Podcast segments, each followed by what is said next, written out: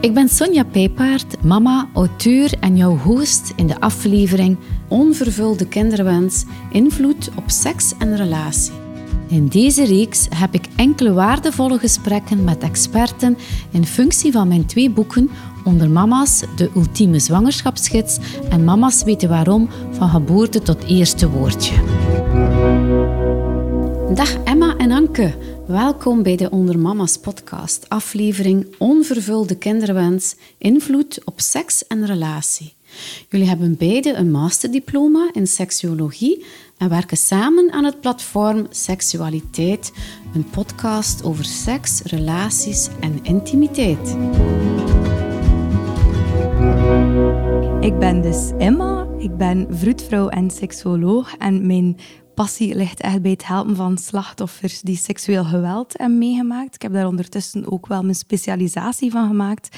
En daarnaast ben ik ook heel regelmatig bezig met zwangere vrouwen, met vrouwen die pas bevallen zijn, advies geven rond seksualiteit, rond vruchtbaarheid, rond hun relatie. Dus dat is echt wel mijn passie. Ik ben dus Anke. Ik heb zelf een uh, bachelor orthopedagogie gestudeerd en dan ben ik geschakeld naar een master seksuologie. Die heb ik samen met Emma gedaan. En ja, inderdaad, we hebben een podcast seksualiteit en hetgene wat we daar heel graag mee willen doen is echt taboes doorbreken, mensen handvaten geven om over seks uh, in gesprek te gaan en zo. En we zijn daar wel heel goed in aan het slagen, denk ik. Ik zelf ben vooral heel geïnteresseerd in uh, genderidentiteit en ook wel seksueel grensoverschrijdend gedrag. Dat zijn twee thema's die mij heel nauw aan het hart liggen. Deze aflevering is er een met heel wat vragen die te maken hebben met een onvervulde kinderwens en hoe dit een effect kan hebben op jezelf en op je relatie. Bij Ondermama's merken we op dat ongewenste kinderloosheid nog steeds een moeilijk onderwerp is. Vaak vinden koppels het lastig om dit met hun dichte kring te bespreken en blijft het thema tussen de vier muren van je veilige thuis. Waarom blijft het onderwerp eerder onbesproken? Het is sowieso iets heel moeilijk om, om, denk ik, als eerste op te brengen tegen de mensen die nieuwe partner zijn. Met je partner is dat logisch dat je dat bespreekt. Met andere mensen is dat vaak heel moeilijk. Jonge vrouwen krijgen heel vaak op familiefeesten de vraag van wanneer is dat jou? Of zijn hij de volgende? Of, uh, dat zijn allemaal zo van die dingen die het moeilijk maken, die druk precies wat op de schouders van die jonge vrouw leggen.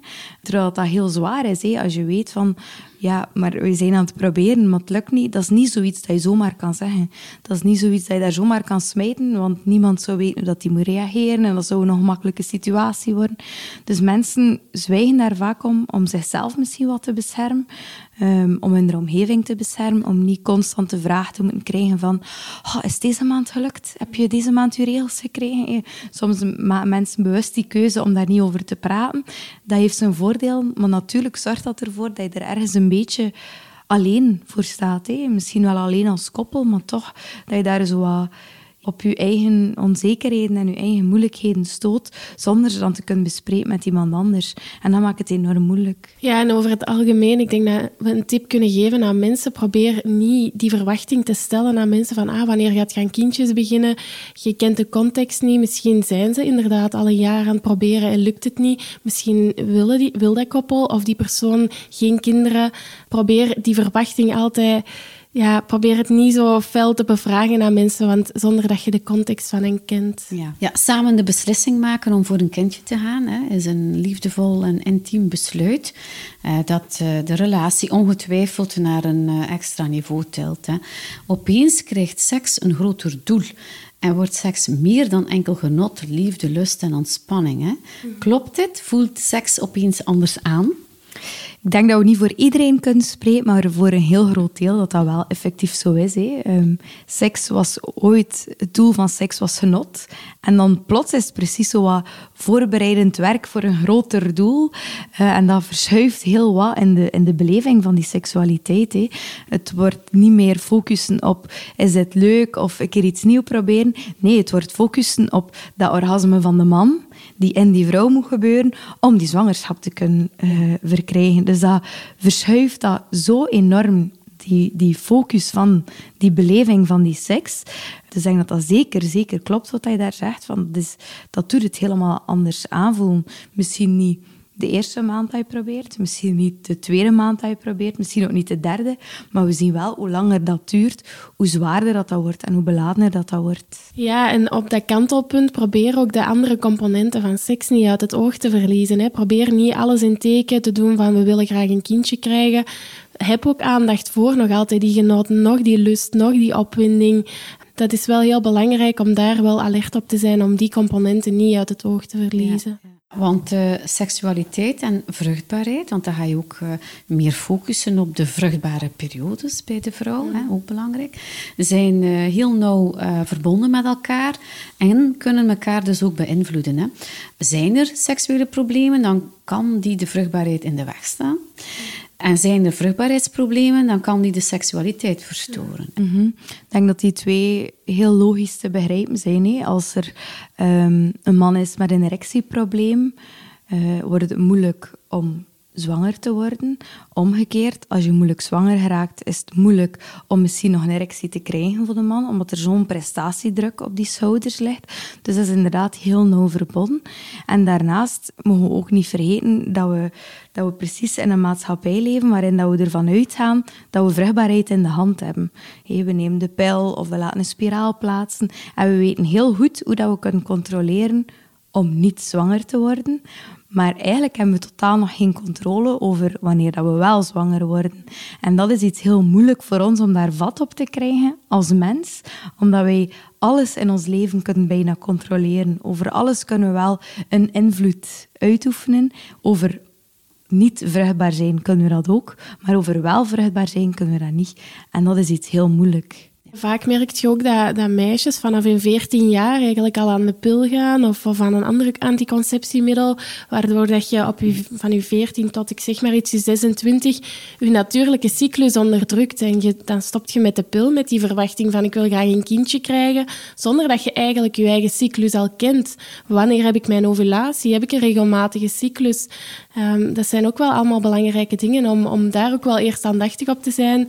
En ook wanneer, wanneer is mijn libido hoog? Wanneer heb ik veel zin in seks tijdens mijn cyclus? Um, er zijn heel veel appjes waar, waarop dat je dat allemaal kunt registreren. Dat je soms zo'n melding zelfs aankrijgt van uh, het is de tijd van de maand, ga ervoor. Um, dus ja, dat is ook wel heel belangrijk om je eigen cyclus te leren kennen. Ja, want vooral als het uitblijft hè, na meerdere mm. maanden, dan is het misschien wel een keer tijd om te zeggen, oké, okay, ken ik hier wel alles van mijn eigen lichaam. Hè? Maar ja, dan ga je misschien als koppel te veel gaan concentreren op uh, timing, het plannen van de seks, maar ja, ook de vruchtbare dagen uh, rond de ijsprong erbij nemen wordt belangrijk, zodat seks uiteindelijk toch niet te veel een verplicht nummer wordt. Hè. Dat ook nog tussendoor wat leuk kan blijven. Hè. Dat het niet te veel prestatiegericht wordt, want het is dan dat het de andere kant kan uitgaan. Hè.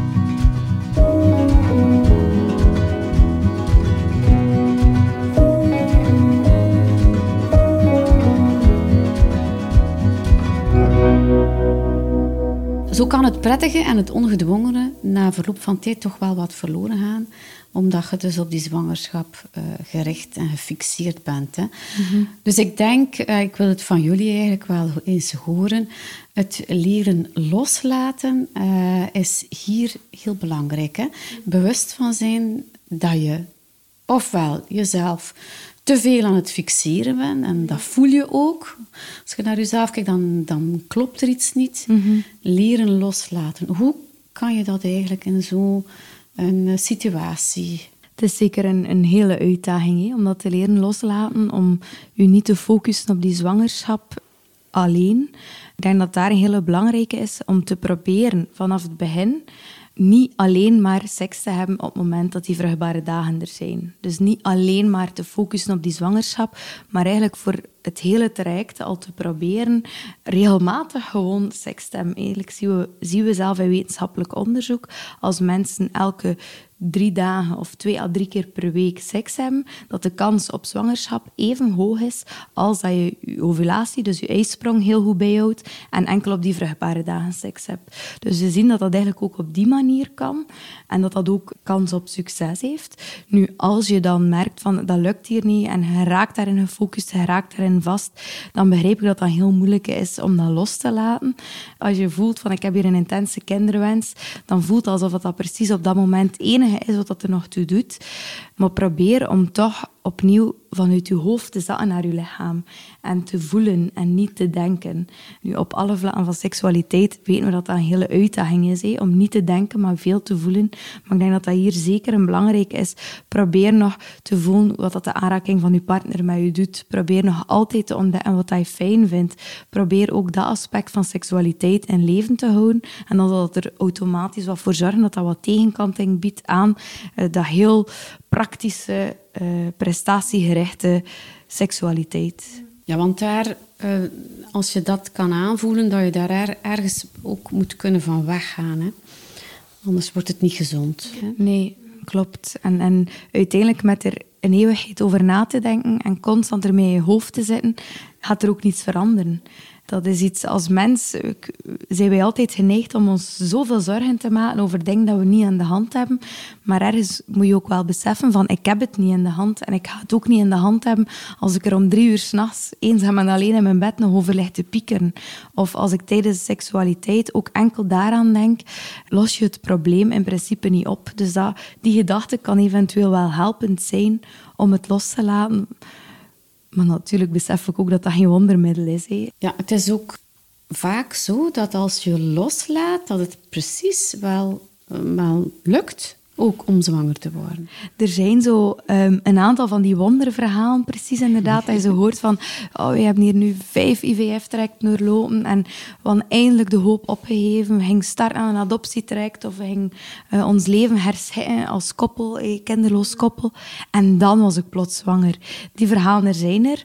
Maar als we kijken in wetenschappelijk onderzoek, opnieuw, we zijn nogal redelijk gefocust soms op dat onderzoek, zien we dat er eigenlijk geen verband is tussen die twee. Nee. Dus dat dat in praktijk weinig met elkaar te maken heeft en dat dat vaak de heel uitzonderlijke verhalen zijn, dat de mensen die loslaten, dan ook zwanger worden. En dat dat eigenlijk niet te maken heeft met het feit dat je loslaat, maar dat dat te maken heeft met het feit dat je misschien op een andere manier je seksleven terug gaat indelen. En dat dat net hetgene is wat dat ervoor zorgt dat je misschien toch zwanger wordt.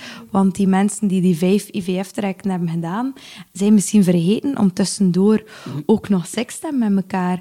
En zijn misschien zodanig gefocust op dat IVF-traject dat er daar drie jaar wijze van spreken misschien geen seksualiteit meer geweest is. En als je dan loslaat en dan is er effectief seks, dan zie ik natuurlijk wel waarom dat de kans plots verhoogd is op een zwangerschap. Ja. Uh, maar puur het loslaten alleen, dat hebben ze nog niet gevonden dat dat een positief effect zou hebben op de zwangerschapskans. Nu je voelt uh, dat het uh, stressvol begint te worden, je wordt niet zwanger. Hoe breng je dan die plezierige seks terug als je dan al zo lang aan het proberen bent? Vooral om seks te hebben om zwanger te raken. Hoe raak je daaruit?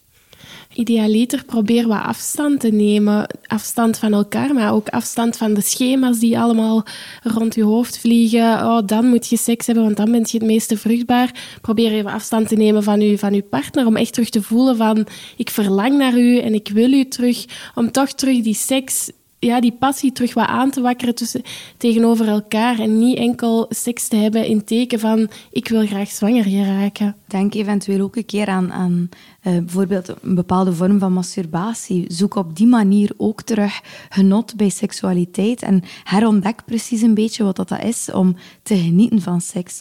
Want het is heel moeilijk als je enkel maar op schema en op commando seks hebt gehad ja, om daar dan op dat moment van te genieten. Nee, want je hebt zoiets van, oké, uh, hij is klaar met werken, ik ben klaar met werken, we hebben nu tijd en ik ben vruchtbaar let's go, ja, dan geniet je niet meer, maar dan ben je bezig met je schema. En dat kan misschien ook fijn zijn, maar het is dan op, op zo'n moment belangrijk om terug te ontdekken bij jezelf van waar geniet ik nu van? En dat kan, zoals de Anke zegt, misschien wel door afstand, maar ook dan kan je bewust bezig zijn met die intimiteit en met seksualiteit door masturbatie. Want als teleurstelling en twijfel over de vruchtbaarheid zo de kop opsteekt, dan kan dat ook een deuk in je seksuele zelfvertrouwen geven. Hè? Ook iets waar aandacht voor te hebben, want hoe ga je hier als vrouw en als koppel mee om? Ik denk dat op dat vlak heel belangrijk is om te weten dat dat niet iets is dat u minder waarde heeft als vrouw. Dat u een minder goede vrouw maakt, dat u een minder goede potentiële mama maakt. Dat dat iets is dat je eigenlijk zelf helemaal niet in de hand hebt, dat je dat niet kan controleren. Ehm, en dat dat eigenlijk ook losstaat van je seksueel persoon. Het feit dat je vruchtbaar bent of niet, dat is niet een keuze dat je maakt. Dat is iets, een keuze dat je vaak uh, wordt opgelegd. Uh, je kiest daar zelf niet voor en je kunt daar ook zelf niets aan doen. En het is heel belangrijk om dat te beseffen van het is niet jouw fout op geen enkele manier. Um, dus laat u dat ook niet vertellen dat dat je fout is. Laat u, vertel u zelf dat ook niet. Um, je bent evenveel waard als iemand die wel uh, makkelijk zwanger geraakt, want hij kan daar niets aan doen en hebt daar niets van in de hand. En probeer elkaar, want we hebben het nu over de vrouw, maar het kan evengoed ook um, bij de man liggen. Allee, dat klinkt heel zwaar, maar of een interactie zijn tussen een bepaald koppel, dat zorgt dat je niet zwanger geraakt. Dus probeer terug wat complimenten te geven aan elkaar. Probeer terug dat allemaal wat te stimuleren. Dat gaat ook effect hebben op, op je seksualiteit en op je zijn. Um, en gaat je zelfvertrouwen ook wel terug een boost geven. Ja, want het is belangrijk dat je uiteraard je relatie ook altijd wel mee laat, uh, laat groeien, evolueren. Uh, ofwel groei je dichter naar elkaar toe, ofwel groei je uit elkaar.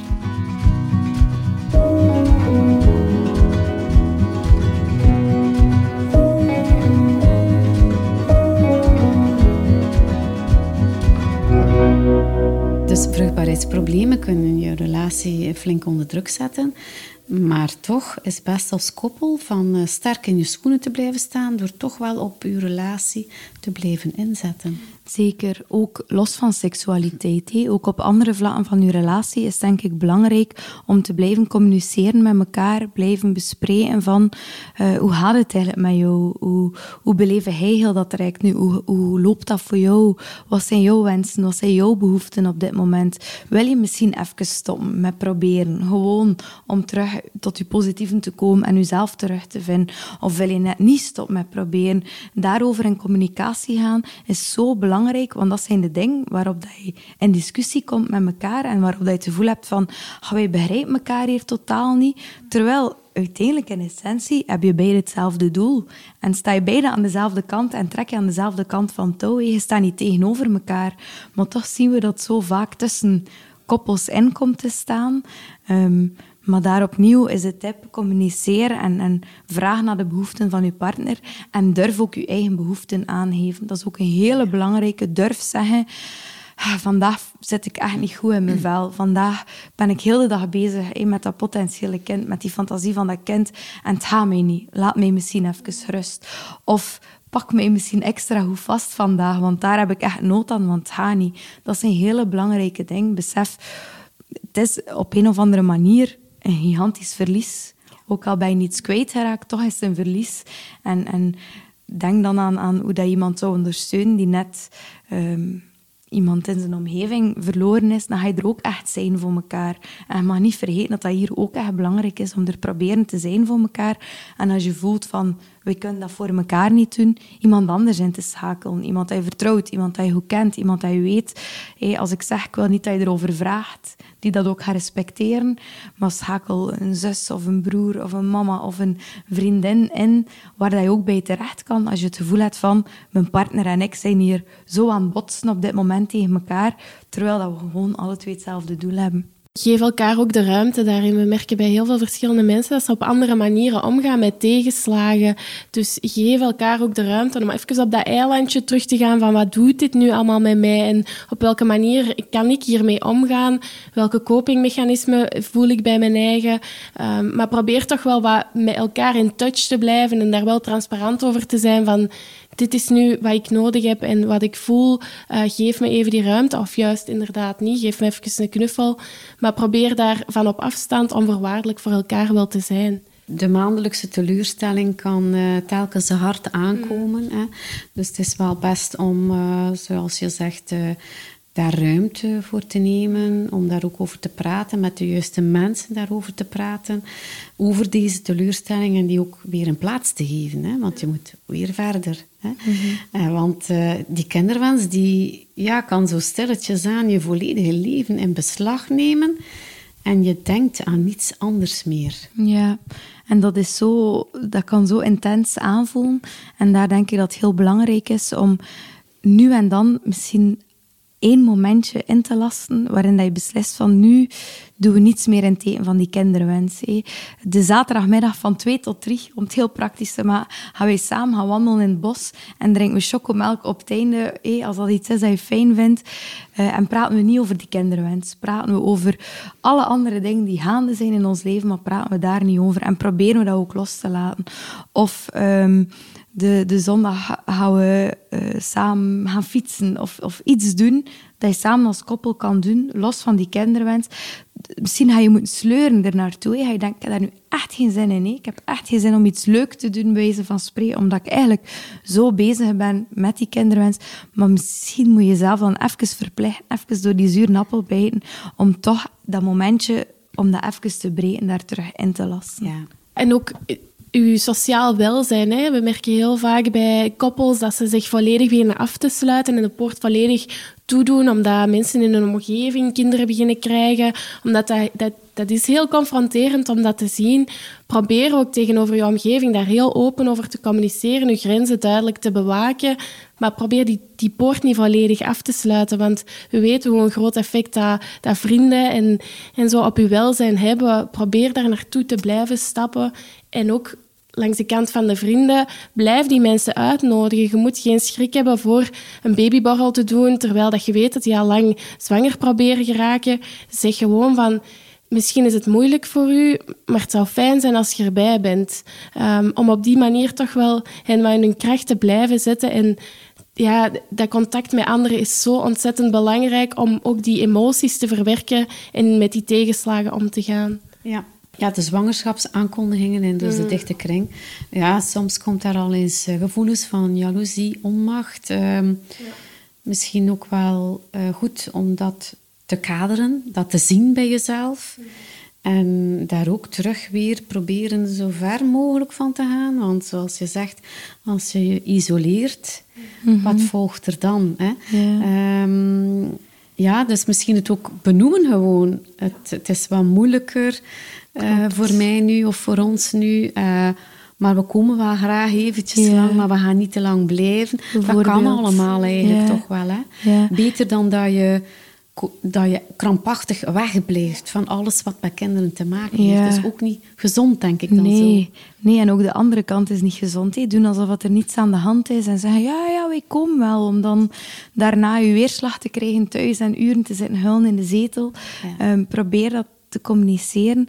En anderzijds probeer jezelf ook niet te veroordelen voor het feit dat je misschien die kwade en die jaloeziegevoelens hebt. Ik denk dat dat heel normaal is om die gevoelens te ervaren op het moment dat je hoort, ja, weer iemand in mijn omgeving zwanger. Want dat is dan typisch dat iedereen net in je omgeving zwanger wordt, of dat je overal zwangere vrouwen ziet en, en baby's ziet.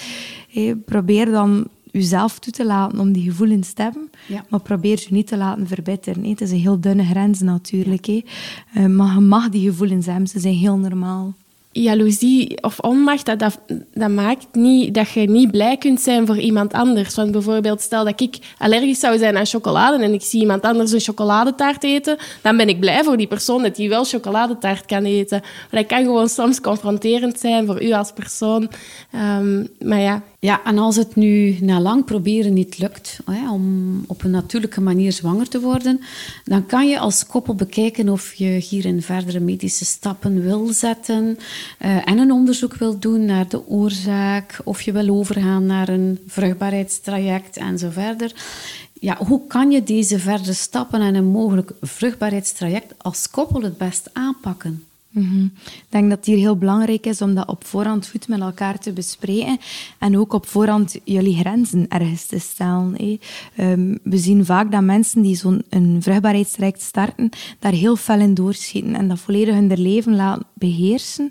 Maar ergens moet je voor jezelf en voor je partner misschien ook zeggen van oké, we gaan dat nu proberen. We doen één traject. Als het niet lukt, dan gaan we twee maanden wachten. Gaan we even opnieuw op ons positieve komen en gaan we opnieuw bespreken. Doen we nog of doen we niet? We gaan niet roekeloos nog een traject beginnen. We gaan niet zomaar nog een keer proberen. Of spreek af, we doen maximum drie pogingen in totaal. Of maximum vijf pogingen. Spreek daar je eigen grenzen op voorhand en af, zodat je ook weet van, ga er niet over voor jezelf en voor je partner. En schrijf die grenzen ook desnoods op, zodat je niet, als je plots een jaar later bent, vergeten bent wat je weer gezegd hebt en denkt, ik ga toch wel gewoon verder. Probeer dat echt duidelijk op voorhand te bespreken met elkaar. Leg dat vast. Um, je kunt ook dingen inlassen als als er een mislukte poging is, dan gaan we die dag een bos gaan of samen een koffietje gaan drinken. Of die dag gaan we iets leuk doen. Um, zodat je ook weet van het kan het sowieso moeilijke momenten zijn. Het is heel zwaar zo'n traject, maar dat je toch probeert die positiviteit daarin te houden en die leuke momenten samen ook te behouden, dat je elkaar ook niet verliest onderweg. Zijn er nog zo wat laatste tips om de wensouders een hart onder de riem te steken? Hoe ze kunnen blijven genieten van elkaar? Mijn tip zou zijn om, om te beseffen dat jullie aan dezelfde kant staan, dat jullie hier met tweeën staan, dat voor beide partners misschien op een heel andere manier beleefd wordt, maar dat wel door beide partners beleefd wordt en dat je partner ook die tegenslagen beleeft en dat je er ergens samen in staat, hoe alleen dat je ook voelt, dat je wel op dat moment met twee bent en dat je aan dezelfde kant van touw trekt en dat je er samen moet proberen door te komen. En dat het zo belangrijk is om elkaar ook te koesteren op dat moment, hoe moeilijk dat, dat ook is. Ja, als je zoiets kunt overwinnen samen, op welke manier dan ook, dat maakt u zo ontzettend krachtig als koppel. Um, en dan weet je dat je in de toekomst ook altijd op elkaar gaat kunnen bouwen en kunnen rekenen. Dus dat is echt wel een heel krachtig gegeven. Ja. Hartelijk dank, uh, Emma en Anke, voor dit hartverwarmende gesprek. Vandaag hebben we zeker heel wat mama's een antwoord geboden op hun vragen. Dankjewel. Heel graag gedaan. Het is super fijn dat we hier mochten zijn en dat we ehm, samen in gesprek konden gaan over deze belangrijke onderwerpen. Lieve luisteraar, wil je graag nog meer tips over machtig moederschap? Schrijf je dan in op de website ondermama's.be. Dat is de online community voor mama's in spe en mama's met jonge kinderen. Kom terecht in een warme wereld waar mama's elkaar ontmoeten en wijsheid en ervaringen onderling kunnen delen. Registreer je, praat met andere mama's en lees, want mama, je staat er niet alleen voor.